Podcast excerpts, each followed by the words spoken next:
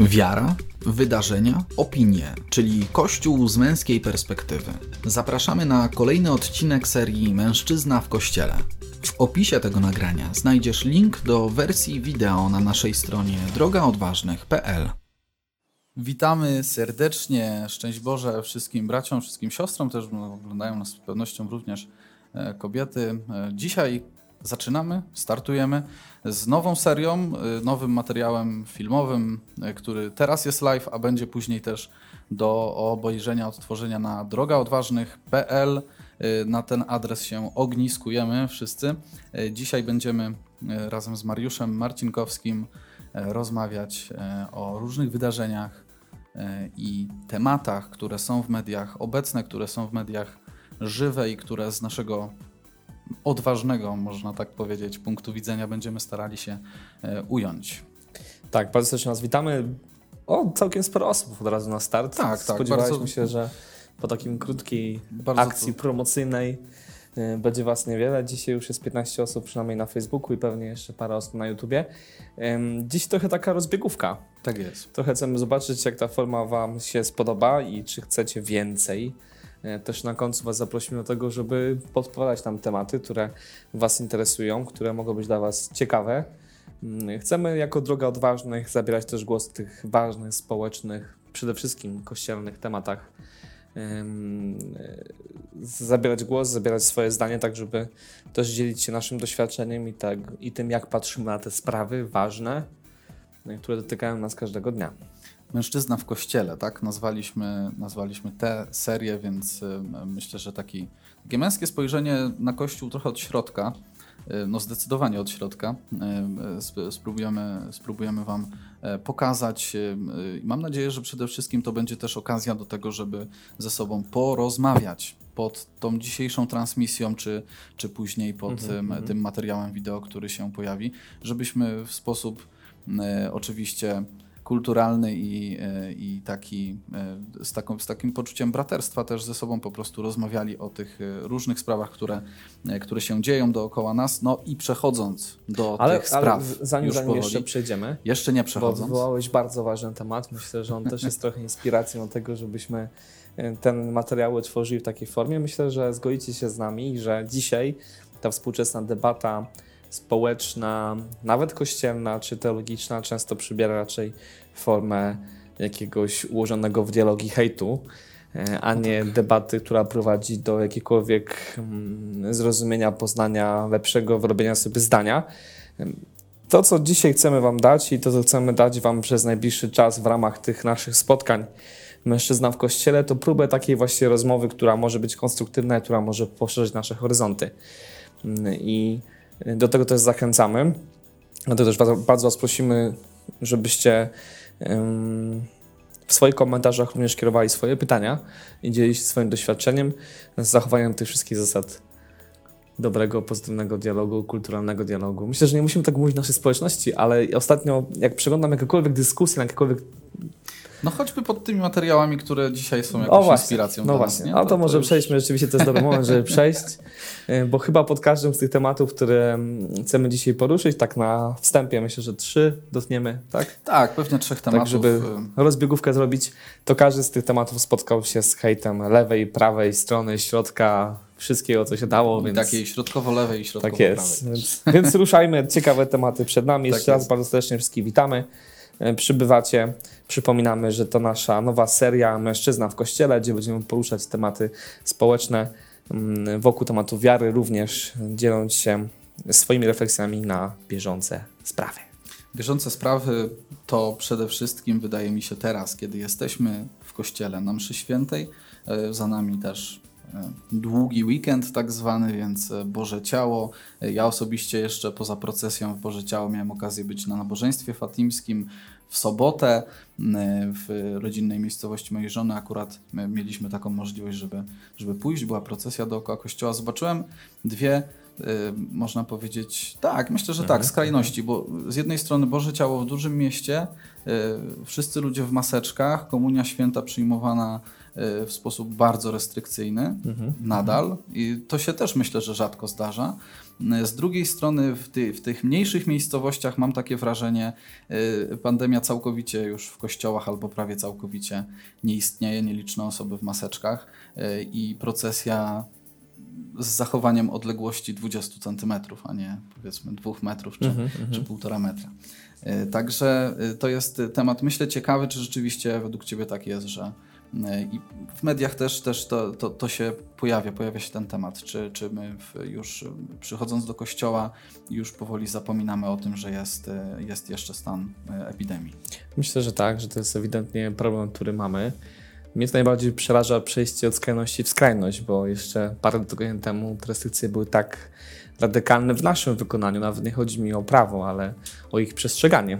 Mhm. E, do tego stopnia, że nawet kiedy pamiętam, spacerowaliśmy po lesie i już było wiadomo, że w lesie nie trzeba nosić maseczek, to naprawdę za każdym razem, kiedy podchodzili do nas ludzie, zakładali maseczki. Zastanawiałem się, czy źle wyglądam.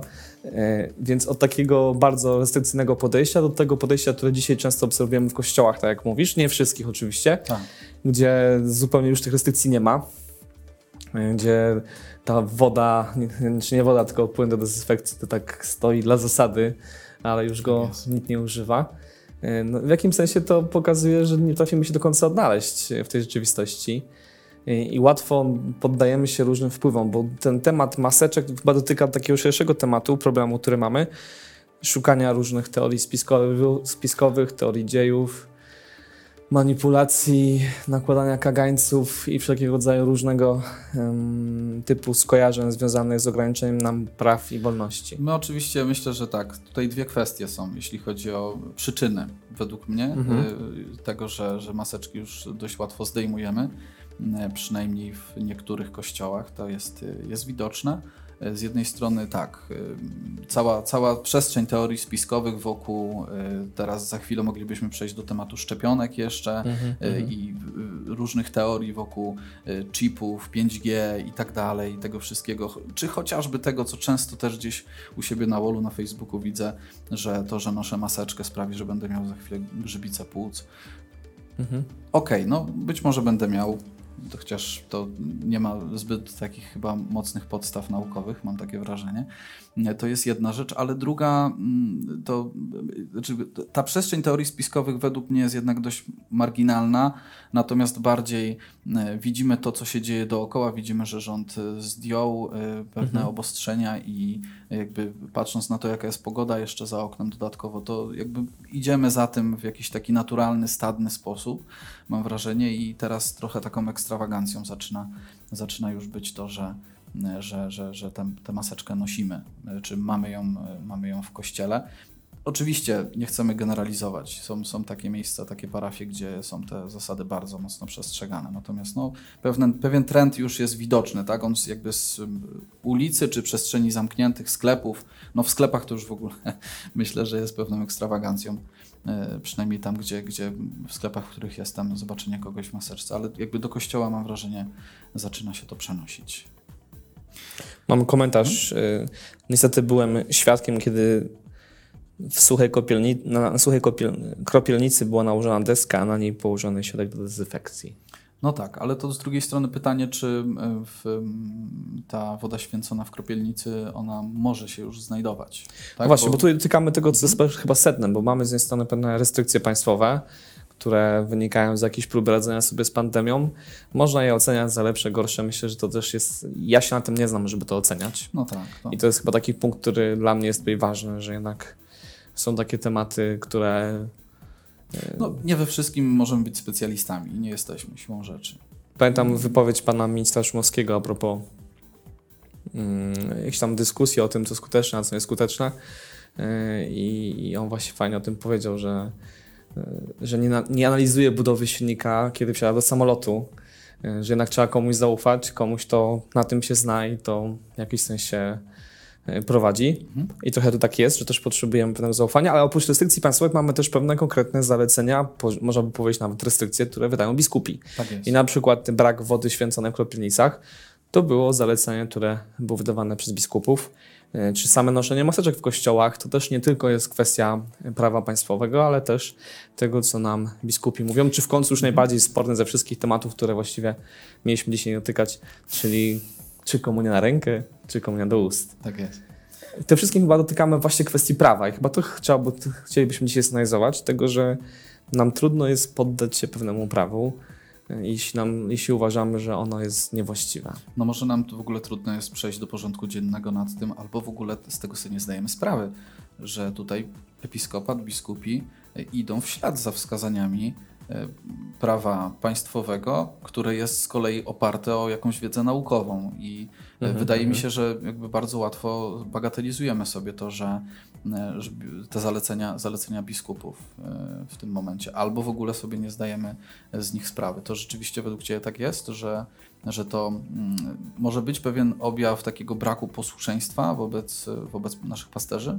Myślę, że trochę to jest tak, że dotykamy tematu trochę e, upadku autorytetów, mhm. tak? tego, że mamy problem, żeby dać się podporządkować, że sami sobie wybieramy, kogo chcemy słuchać, Y, no bo dzisiaj nawet w tej przestrzeni noszenia maseczek będą księża, którzy mówią noście i księża, którzy mówią nie noście.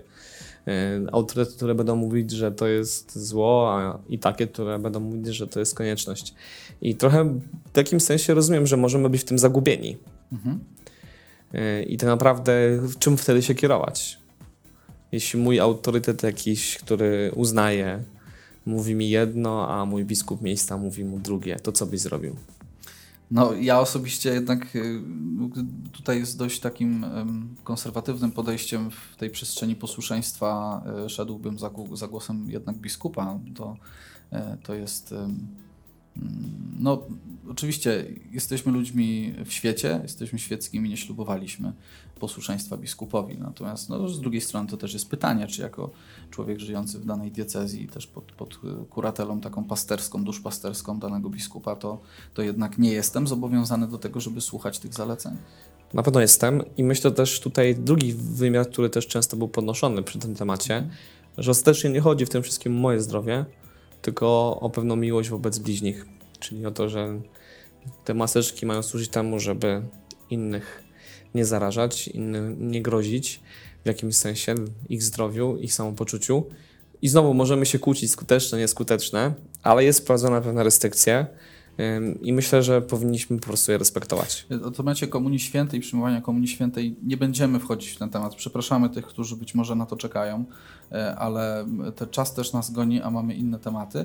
E, tutaj moglibyśmy rzeczywiście, mm, czy wychodząc od tego, co przed chwilą powiedziałeś, warto zaznaczyć, że w ogóle tutaj mhm. przyjmowanie Komunii Świętej jest takim punktem y, kulminacyjnym nie tylko pod kątem samej Eucharystii jako, jako tego ważnego z punktu widzenia duchowego zjawiska, natomiast też z punktu widzenia epidemicznego no bardzo newralgiczny moment i, i tutaj może się po, pojawić, pojawić duża liczba za, zarażeń, jeżeli rzeczywiście gdzieś koronawirus by się, by się pojawił wśród E, wiernych w kościele. E, łatwo nad tym gdzieś przechodzimy do porządku dziennego, ale to tylko w kwestii takiego zaznaczenia. Chciałbym, żebyśmy e, pozostając w klimacie bycia w mhm, kościele, mhm. bycia w liturgii, wrócili sobie troszeczkę do uroczystości Bożego Ciała. Z pewnym osłupieniem, nie ukrywam, i z pewnym takim, no Mariusz już się śmieje, bo wie o co, o co mi chodzi, o jaką publikację. Na jednym z blogów na portalu deon.pl można było przeczytać, czy można przeczytać, śmiało wejdźcie sobie i można sobie wygooglować. E, Michał Droszcz, tak, tak, tak, tak nazwisko, chyba bez błędu, chyba nie Druszcz, choć Druszcz chyba częściej spotykane. Chyba tak. Ale Michał Droszcz napisał swój wpis na, na, na blogu na portalu deon.pl dotyczący kwiatów na, na, w procesjach Bożego Ciała. Mhm. Bardzo ciekawy temat swoją drogą, na styku ekologii, na styku e, tradycji, tradycji mhm. E, liturgii, tego jakie miejsce ta tradycja ma, ma w, liturgii, w liturgii, na ile to jest tylko taka ludzka tradycja, na ile on jest, ona jest uzasadniona. Oczywiście jakby wpis do, dotyczy tego, że marnujemy jako Kościół, jako wierni kilogramy, jak to określił autor kwiatów w, w Boże ciało. I, I, myślę, że no, jest to.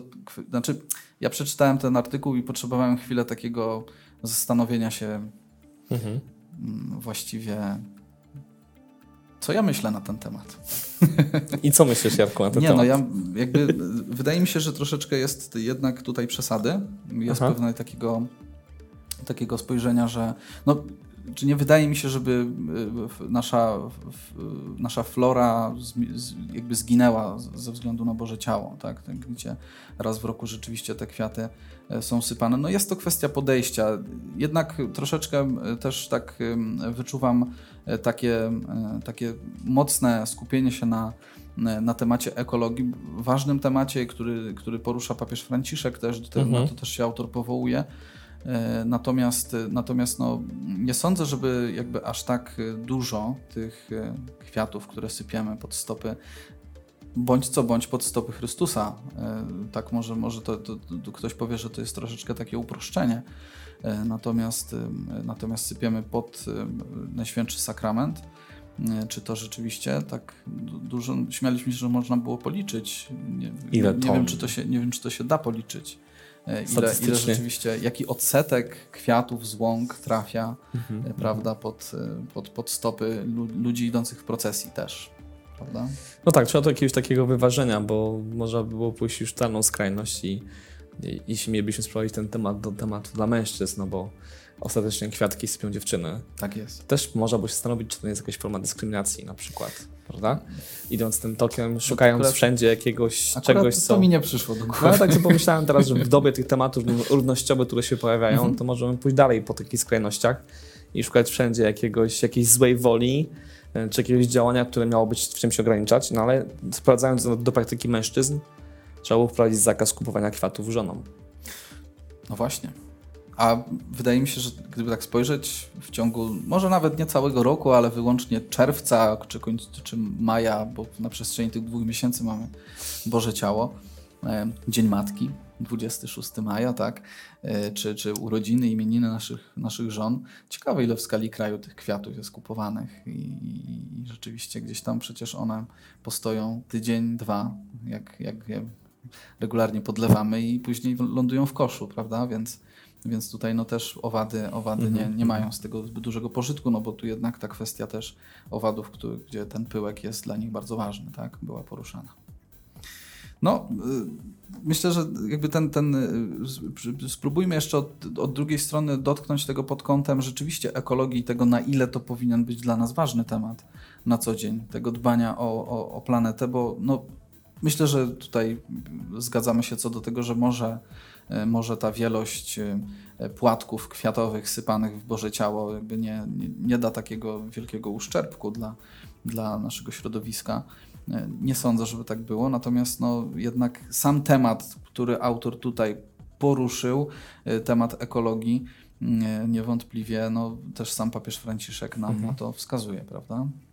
Trochę jest tak, że przez wieki, znaczy może nie przez wieki właśnie, może chyba XX wiek, XXI Mhm. wiek to jest taki czas, kiedy te tematy ekologiczne bardzo stały się sztandarem lewicowych ruchów Mm, i zapomnieliśmy, że tak naprawdę one zawsze w Kościele były obecne. Y, I to w jakimś sensie mm, jest ważny temat, żeby na tym się stanowić. To jest temat choćby nawet Laudato Si, Tak czy temat tego, czy brak segregacji śmieci jest grzechem, czy nie. E, A propos tematów ekologicznych. Ale on rzeczywiście do takiego, takiego, takiego, takiej troski nad, nad światem, który Pan Bóg stworzył dla nas. Mhm. Nie wykorzystywaniem go dla zabawy, ale w konkretnym celu, w konkretny sposób. No warto się nad tym zastanowić, tak ja podchodzę do tego. Ale pomyślałem sobie a propos tych kwiatów jeszcze, że, e, że są gatunki chronione na przykład w Polsce. No tak. I takich kwiatów pewnie byśmy nie zrywali na łąkach. E, I to też jest jakiś wy, wyraz tego, że dbamy o tą przyrodę, prawda? Mm. A z drugiej strony fajnie w tych komentarzach pod tym artykułem, które no, były pełne różnego rodzaju O tak, tak. e, sformułowań, raczej nie, nie wiążących się z merytoryczną dyskusją. Tak, no t- argumentów, a, znaczy argumentów, po prostu wpisów ad personam atakujących bardzo mocno właśnie tutaj e, autora. No wydaje mi się, że to tak w ramach pewnej dygresji, tak rozumiem, e, niedopuszczalne rzeczy zupełnie. Tak? Dokładnie. W sensie odsyłanie, odsyłanie człowieka do kościoła protestanckiego, jeżeli mu się nie podoba i tak dalej, no wydaje mi się, że jest grubą przesadą. To właśnie ten brak dyskusji, o którym mówimy, ale jeden z komentarzy myślę, że fajnie tam się pojawia w tle. Nie wiem, jaki autor miał intencje, no bo to jest Mhm. też problem niestety tych dyskusji internetowych, że nie do końca nie wiesz, czy to jest już ironia, czy to jest jakaś merytoryczna dyskusja, ale tak. powołał się na tą sytuację z Judaszem mhm. i z flakonem drogocennego olejku. Y, czy aby to nie jest ten typ argumentacji, który autor nam pokazuje. Y, to wzburzenie Judasza, który widzi rozlany drogocenny olejek, za który można było tak wiele rzeczy zrobić dobrych. No tak, za, za, jeżeli dobrze pamiętam, to była taka roczna, ro, roczna pensja. Roczna, roczna pensja. Prawda? Jedno mhm. chwili zmarnowana. przeciętnego robotnika mhm, w tamtym czasie. No to, to jest pewną analogią, nie ukrywam. Mhm, Wydaje mi mhm. się, że, że tutaj dość, dość trafną mimo wszystko. Jestem ciekaw, jak, jak tutaj autor, jak pan Michał by się odniósł do, do tego do tego spojrzenia. Kamil pisze, te kwiaty się uprawia, gdyby nikt nie kupował, to by tych kwiatów po prostu było mniej. Więc bądź eko i kupił kwiaty żonie. To bardzo dobra konkluzja tak e, tego tematu. E, myślę, że rzeczywiście potrzebujemy zachować zdrowy rozsądek. Dobrze, że takie tematy się pojawiają, bo one budzą trochę w nas takie myślenie, też taką refleksję, żeby dostrzegać pewne rzeczy, których może nie dostrzegamy. Jasne. Choć ja osobiście uważam, że sypanie kwiatów w Boże Ciało nie jest przesadą, jest taką dosyć ładną tradycją, która nie jest tradycją tradycji, ale ma konkretne znaczenie. Nie no, uwrażliwia bardzo, myślę, na, na jakby rangę tego, tego jakby kto, kto idzie w tej procesji, kto tej procesji przewodniczy. Na pewno to na, od nas wymaga tego, żeby te nasze dzieci wprowadzać w to, prawda? No tak bo jest. czasem mam wrażenie, jak oczywiście patrzę na te dziewczynki, że to takie jest trochę, wiesz, kto ma więcej kwiatów, ten ma większą władzę, bo może sypać dłużej a niektóre mamy tam stoją z taką reklamą mówią dodatkowych, żeby uzupełniać zapasy. Tak, tak.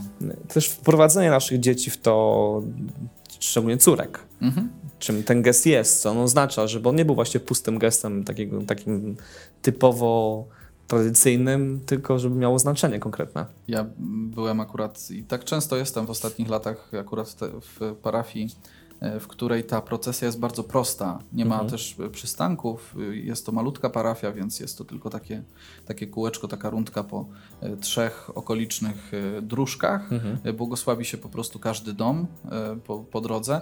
I jakby znałem tę parafię właśnie z tego takiego elementu prostoty, która tam, tam jest i miałem wątpliwość, czy będą kwiaty mhm. właśnie.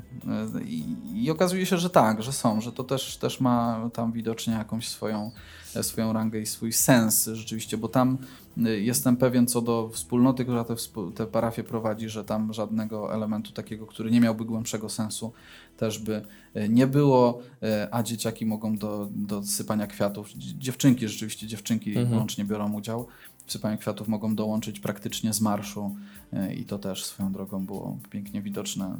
Różnica między moimi córkami. E, pierwsza z nich sypała je bardzo delikatnie, bardzo tak odpowiednim ruchem. Tak jest, a druga jak dostawała w koszyczek kwiatki, to po prostu brała garść i wysypywała.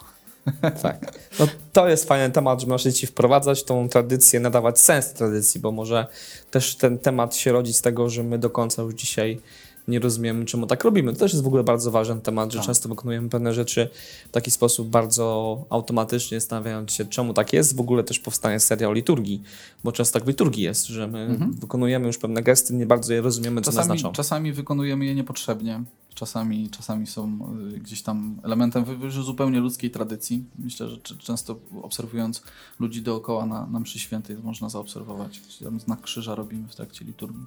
Na przykład. Albo temat, który pojawi się już dzisiaj na naszej nowej stronie. Mhm. Y, śledźcie naszego Facebooka, bo będzie inauguracja i wtedy zdradzimy też adres, miejsce tej strony.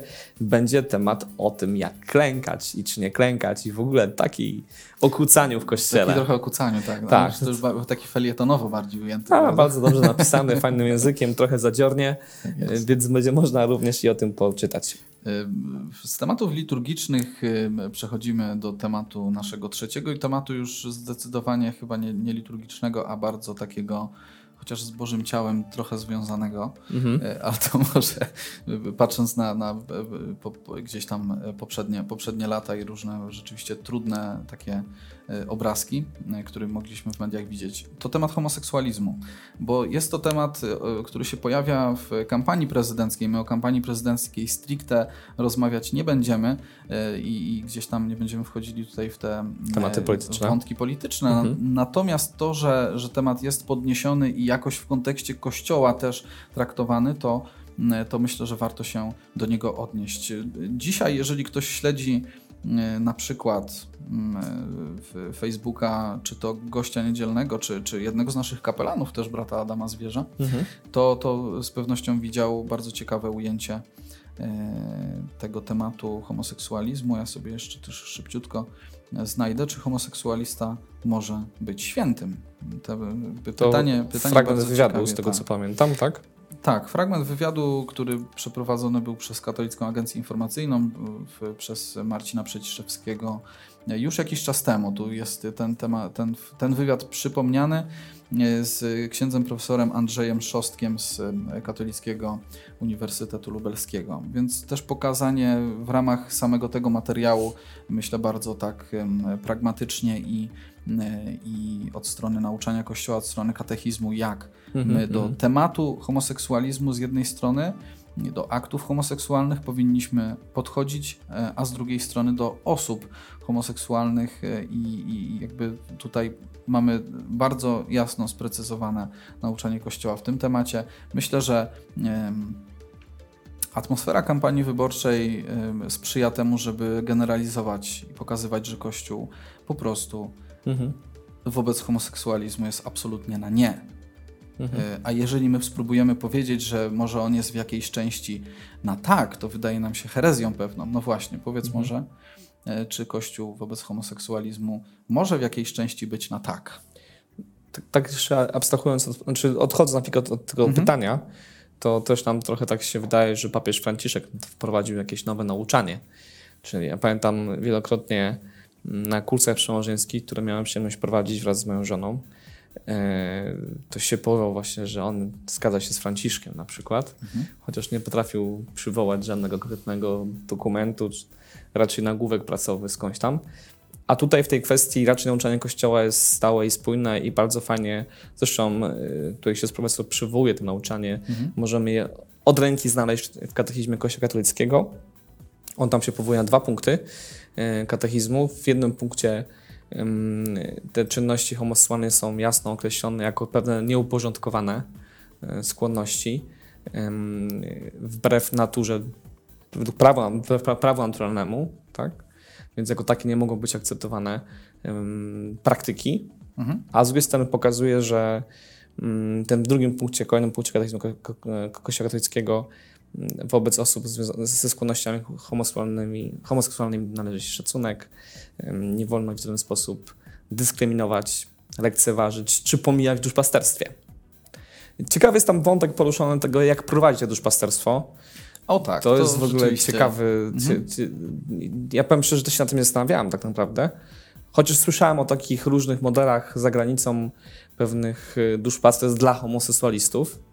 On tu fajnie podaje przykład, że to niekoniecznie musi być dobra droga, że, że to jest jeszcze jakaś forma enklaw zamykania tych osób w jakichś takich grupach, a po prostu bycie razem, uczenie się siebie nawzajem po to, żeby umieć siebie kochać, a jednocześnie mm, przyjmować i nie akceptować grzechu jest chyba najlepszym rozwiązaniem. To jeszcze y, przejdziemy za chwilę, jeszcze spróbujemy um, powiedzieć parę słów na temat tego E, duszpasterstwa mhm. E, osób homoseksualnych. Natomiast e, rozumiem, konkludując to, to, co powiedziałeś na temat katechizmu, tego jak katechizm mhm. nam pokazuje homoseksualizm, to chyba możemy skonkludować to tak, jak często słyszymy w kościele, dla grzechu nie, dla człowieka tak. Mhm, mhm. prawda? I chyba jak tutaj jakby wszystko, wszystko jest jasne w kontekście też nauczania nauczania Kościoła na temat małżeństwa i tego, jak y, ta sfera seksualna też tutaj powinna wyglądać, to jest kwestia po prostu życia w czystości. Nie? Tak, i nawet tu nie trzeba wchodzić w dyskusje i debaty na temat źródeł takiej tak, skłonności. Tak, tak. Zresztą to też jest fajnie pokazane w katechizmie, że nie zawsze te źródła są dla nas znane mhm. i oczywiste. No A bardzo byśmy chcieli, żeby one były oczywiste. Tak no wtedy łatwo było nam powiedzieć, prawda? Tak, łatwo tak, potępić, przyjąć, odrzucić, mhm. powiedzieć zdrowy, chory i tak dalej. E, chyba nie musimy się tym zajmować. Zresztą Kościół jako taki, jego celem nie jest y, mm, stricte określenie naukowych badań, przeprowadzenie wywodów naukowych na temat czegoś, tylko interpretacja e, Bożego nauczania względem nas. E, I w tym sensie to nauczanie jest bardzo konkretne. Całkowita akceptacja dla człowieka, Wszyscy jesteśmy grzesznikami, każdy z nas mhm. tutaj fajnie jest przywołana ta historia spotkania Jezusa z jedną grzesznicą. Prawda? Tak, oczywiście. Bardzo mhm. fajne, fajnie pokazane. I nie, w, tej, w tym przywołaniu nie chodzi o jedną grzesznicę, ale o tych, którzy odeszli nie rzucając kamieniem, bo nie byli bez winy. I w tym sensie potrzebujemy takiego podejścia, żeby widzieć też, że każdy z nas ma jakieś skłonności. Tak jest. Niekoniecznie homoseksualne, ale jakieś ale skłonność do grzechu, grzechu szeroko rozumiane. Dokładnie. I myślę, że w kwestii nieczystości to generalnie dla nas mężczyzn temat obla tak. oblatany tak. zdecydowanie. Natomiast jeżeli chodzi o samo duszpasterstwo homoseksualistów, kiedy przeczytałem rzeczywiście o tym, że być może grupowanie osób ze skłonnościami homoseksualnymi w kościele w ramach, nie wiem, jednej wspólnoty, jednej mhm. grupy mhm. niekoniecznie jest dobrym pomysłem, e, pomyślałem też o o, o, o przynajmniej jednym takim zakonie, który znam y, i jakby słyszałem od, od jednego takiego zakonnika, że, y, że w tym zakonie y, osób homoseksualnych po prostu się nie przyjmuje, osób z, z skłonnościami homoseksualnymi, jeżeli one w trakcie czy tam formacji wychodzą, to, to po prostu nie jest to żaden, żadne, żadne wrogie podejście, wrogie nastawienie, ale po prostu z przyczyn, o których moglibyśmy też jeszcze e, rozmawiać. E, może nie, nie jest to teraz na to czas, ale właśnie w ramach e, takiej, takiej struktury zakonnej, na przykład homoseksualiści raczej w jednym z przynajmniej zakonów, o którym wiem, nie znajdują miejsca. No i teraz właśnie, jak patrzeć i przełożyć mhm. to na przestrzeń kościoła i duszpasterstwa homoseksualistów, których no tutaj ksiądz profesor akurat przywołuje, taką e, sytuację i tak to rozumiem, tak do tego się też przychyla, żeby tutaj do grup, wspólnot jednak osoby z skłonnościami homoseksualnymi przychodziły i należały. To pewnie nie jest ta sama ranga, nie? Tu mhm. zakon, a tutaj wspólnota, więc, więc tu, tu spróbujemy to, e, to zgłębić. Mhm. No na pewno, tak jak powiedziałeś, sam proces decyzji o tym jest uwarunkowany wieloma różnymi okolicznościami.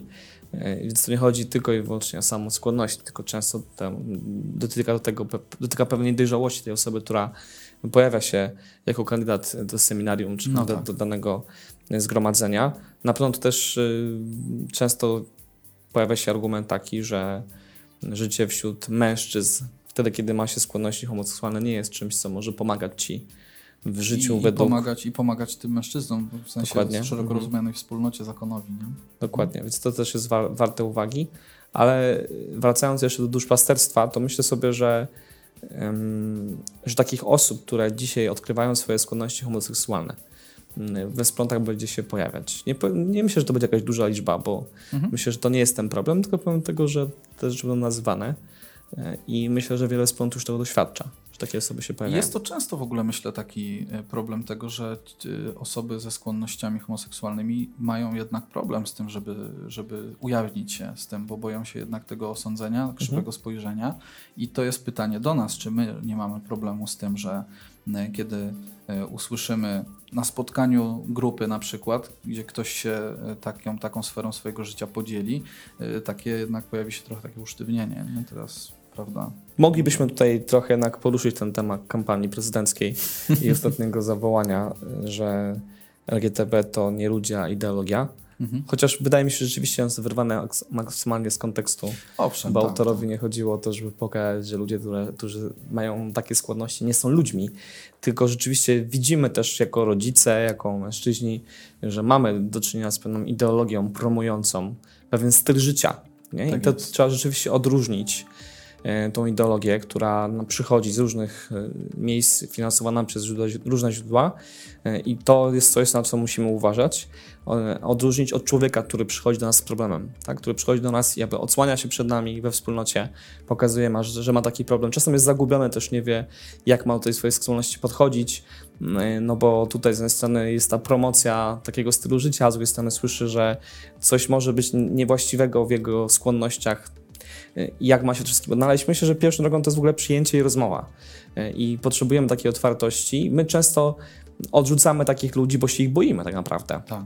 Albo boimy się, że my moglibyśmy nie wiem, zacząć myśleć nie, to, to niewłaściwie. Nie, to nie koronawirus, tak? Drogą kropelkową się nie przynosi. Dokładnie. Więc to jest ważne, żebyśmy pomyśleli nad tą otwartością, na tę drugą osobę mm, i, i byli gotowi przyjmować takie osoby, nie? Bo jednak Pan Jezus przyjmował wszystkich Tak, My też. wydaje mi się, że może często też boimy się. Ja tak miałem jeszcze te kilka lat temu, że, że bałem się też jakby e, że sama, samo właśnie przyjęcie takiej osoby, rozmowa z nią e, już może być uznane w ogóle przez duszpasterzy, czy przez e, inny, innych ludzi, nie wiem, z mojej wspólnoty, czy, czy z parafii, za, czy z rodziny, za coś niewłaściwego po prostu. Niewątpliwie żyjemy w takich czasach, w których dzisiaj bardzo mocno podważa się sens płci. Mhm. Oczywiście często ym, to jest efekt tego kulturowego podejścia do płci, które często takie też jest, bo ta płeć związana jest z jaką, jakąś kulturą. Yy, I od razu przychodzi mi na myśl teologia ciała Jana Pawła II, czyli to pytanie o to, jaki jest prawdziwy sens mojego ciała, prawdziwy sens mojej płci. Ym, bo nawet wśród młodych ludzi dzisiaj bardzo często jest tak, że oni nie rozumieją do końca, dlaczego są kobietą, dlaczego są mężczyzną. I często rodzice boją się mówić na ten temat, no bo nie wiedzą, czy już są tolerancyjni, czy jeszcze, czy już nie są, jak tu się w tym wszystkim odnaleźć.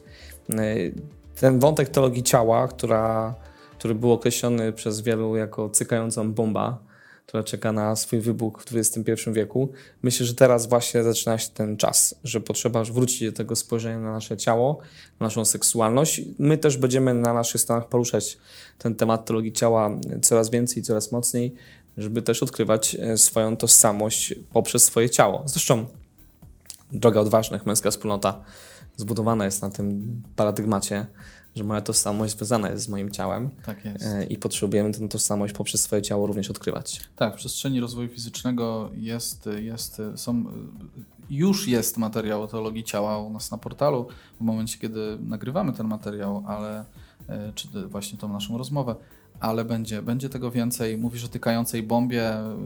Ja się trochę przestraszyłem, ale rozumiem, że taka pozytywna tykająca Tak, bomba tak, tutaj. zdecydowanie. Bomba, która musi wybuchnąć jako taki nowy przejaw spojrzenia, znaczy nowo-stary, no, na nowe odkrycie tego, kim jesteśmy też w oczach Pana Boga. Na nowe odkrycie w ogóle chyba też ym, Jana Pawła II jako osobę, jako człowieka, który to tak naprawdę e, stworzył, chyba tak możemy powiedzieć, na nowo zdefiniował, prawda? Tutaj też, też, też myślę, że e, dla nas y, bardzo ważny wątek. Ostatnio słuchałem jednego z popularnych katolickich vlogerów, który właśnie mówił o tym podejściu do, do samej osoby Jana Pawła II i, i, i był też poruszony ten wątek teologii ciała. Wielkie dzieło, e, które może być dla nas okazją do tego, żeby w ogóle wiedzieć, Mhm, co było mhm. treścią nauczania, nauczania papieża. Mhm. Okej, ja myślę, że to wszystko. E, Na dziś już e, nam e, powoli e, 40 minut, 45 minut nawet mija. Dziękujemy Wam dzisiaj już za uwagę. Mamy nadzieję, że z zainteresowaniem słuchaliście, jak wyglądają nasze liczby. Dokładnie. Jeżeli chodzi o oglądających, 18 Jeśli, osób, tak? jeśli Wam się podobało, dajcie lajka, zasubskrybujcie kanał na YouTubie, jeśli oglądacie ten materiał przez YouTube'a E, i oczywiście e, piszcie w komentarzach pytania, które Was interesują z takich bieżących spraw dotyczących naszego bycia mężczyzn w Kościele. Mm, i postaramy się też zawsze w każdym odcinku, jeśli będzie, będziecie chcieli tych odcinków, e, to postaramy się któryś z tych wątków również poruszać, nie tylko te, które my sami dla Was będziemy przygotowywać. Dziś przypominamy to taki starter, rozbiegówka też dla nas w takiej formie, yy, myślę zupełnie, zupełnie yy, nowej. Kiedyś swego czasu robiliśmy przeglądy prasy, takie, ale to raczej w, w, jakby w, w ramach yy, drogi odważnych wewnątrz. Yy, Natomiast pierwsza taka, Mhm, taki, mhm. taki, taki moment yy, wyjścia na zewnątrz w takiej formie. Rozbiegówka też pod tym względem, że dzisiaj jesteśmy we dwóch. Docelowo chcielibyśmy, żeby przynajmniej trzy osoby uczestniczyły. Myślę, że to będzie taka optymalna liczba e, też, e, żeby, żeby jakoś ta, ta mnogość też e, opinii, komentarzy e, była też dla Was jako odbiorców e, atrakcyjna bardziej. Dziękujemy Wam serdecznie e, i za tydzień, mam nadzieję, już e, ponownie się zobaczymy o stałej porze, myślę. Chyba We tak. wtorek o 10. To dobry czas. Śledźcie dzisiaj nasz kanał na, na Facebooku, bo będziemy dzisiaj em, debiutować z nowym miejscem rozwoju dla mężczyzn, rozwoju myśli, Też. oczywiście. rozwoju skoncentrowanego na właśnie naszym męskim świecie też, E, ale te wszystkie niespodzianki już niebawem. Także czekajcie i jak już się dowiecie, to wchodźcie. Bardzo serdecznie dzisiaj dziękujemy za to spotkanie, za to, że wytrwaliście do końca. Jarosław Kumor. Mariusz Marcinkowski. Dobrego dnia Dziękujemy. z Bogiem. Z Bogiem. Słuchałeś odcinka serii Mężczyzna w Kościele. Jeśli chcesz nas poznać bliżej, zapraszamy na drogaodważnych.pl.